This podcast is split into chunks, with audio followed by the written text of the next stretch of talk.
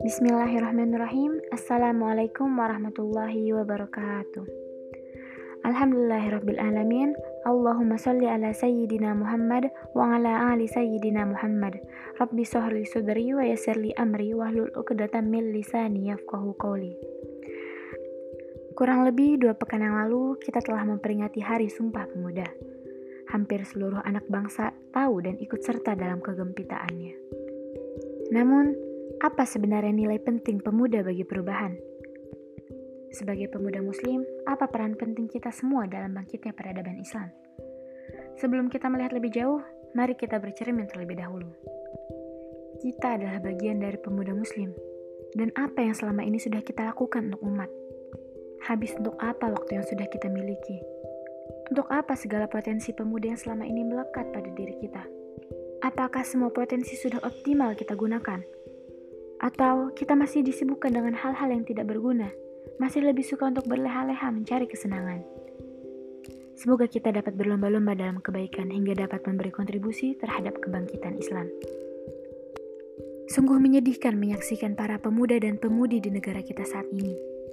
Ustadz Hari Mukti dalam bukunya yang berjudul Generasi Muda Islam mengatakan perilaku kebebasan yang terjadi pada pemuda-pemudi sangat memprihatinkan seperti masalah aktivitas seks pranikah, pelecehan seksual, pacaran, pornografi, perselingkuhan, prostitusi, pemerkosaan, aborsi, dan perilaku-perilaku yang menyimpang lainnya.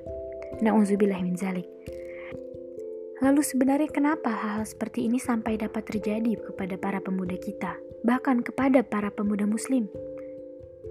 Karena banyak sekali dari generasi muda yang menganggap Islam hanya sebagai tuntunan untuk beribadah ritual saja – Padahal Islam jauh lebih luas dan lebih sempurna. Islam mengatur seluruh aspek kehidupan kita, bukan hanya sholat, zakat, puasa, dan ibadah ritual saja, melainkan juga mengatur tentang pergaulan, sistem ekonomi, sistem pendidikan, dan lain sebagainya. Ketika Islam tidak lagi dijadikan standar utama dalam berperilaku, dapat kita lihat saat ini akibatnya. Masihkah ada harapan untuk generasi muda kita? Tentu saja selalu masih ada harapan dan kesempatan bagi setiap manusia yang mau berusaha. Menurut pengamatan Ustadz Al-Hasan Al-Nadwi mengenai beberapa penyebab krisis moral remaja, yaitu tentang malasnya dan acuhnya perhatian mereka terhadap pendidikan dan pengajaran dari guru-guru mereka. Juga karena lalainya dari upaya bersungguh-sungguh untuk memahami Islam dan mengamalkannya. Lantas dari sini perlu kita pelajari bahwa sebagai generasi muda, generasi tua adalah pedoman dan panutan, Guru-guru kita adalah sumber ilmu dalam belajar. Ahlak dan adab merupakan hal yang teramat penting atas berkahnya ilmu kita. Maka dapat kita mulai dari sini untuk dapat memperbaiki generasi kita. Dengan apa? Ialah dengan lebih menghargai ilmu dan penyampainya, yang tidak lain adalah seorang guru. Selanjutnya setelah berilmu lalu apa? Ialah ketakwaan yang dapat menjadi pelengkap dari ilmu kita tersebut. Berilmu namun tidak bertakwa, untuk apa? akan dikemanakan ilmu tersebut. Maka kita butuh pemuda yang tidak hanya berilmu namun juga bertakwa. Karena sesungguhnya darah pemuda ini ialah darah yang kuat, darah yang mampu berdiri tegak melawan hal-hal yang menurutnya tidak benar. Masalahnya apa yang menjadi indikasi benar dan salah pemuda saat ini?